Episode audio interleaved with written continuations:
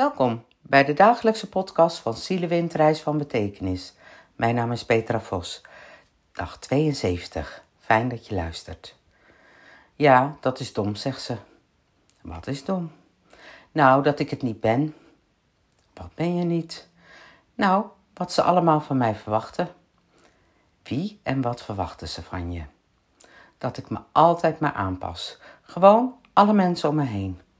Als ik iets anders wil of doe, is het niet goed. Zo is het altijd geweest, dus pas ik mij aan. Wat zou je willen? Nou, dat ik het een keer doe zoals ik het wil. Waar zou je mee kunnen beginnen? De wc. De wc een kleur geven die ik leuk vind en inrichten met wat ik wil. De wc? Ja, de wc. Daar breng je best wel wat tijd door hoor. Daar ga ik beginnen. Why not?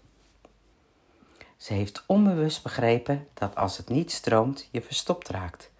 De wc als metafoor. In een wc hoort het te stromen. Niks is erger, nou ja, bijna dan, als een verstopt riool.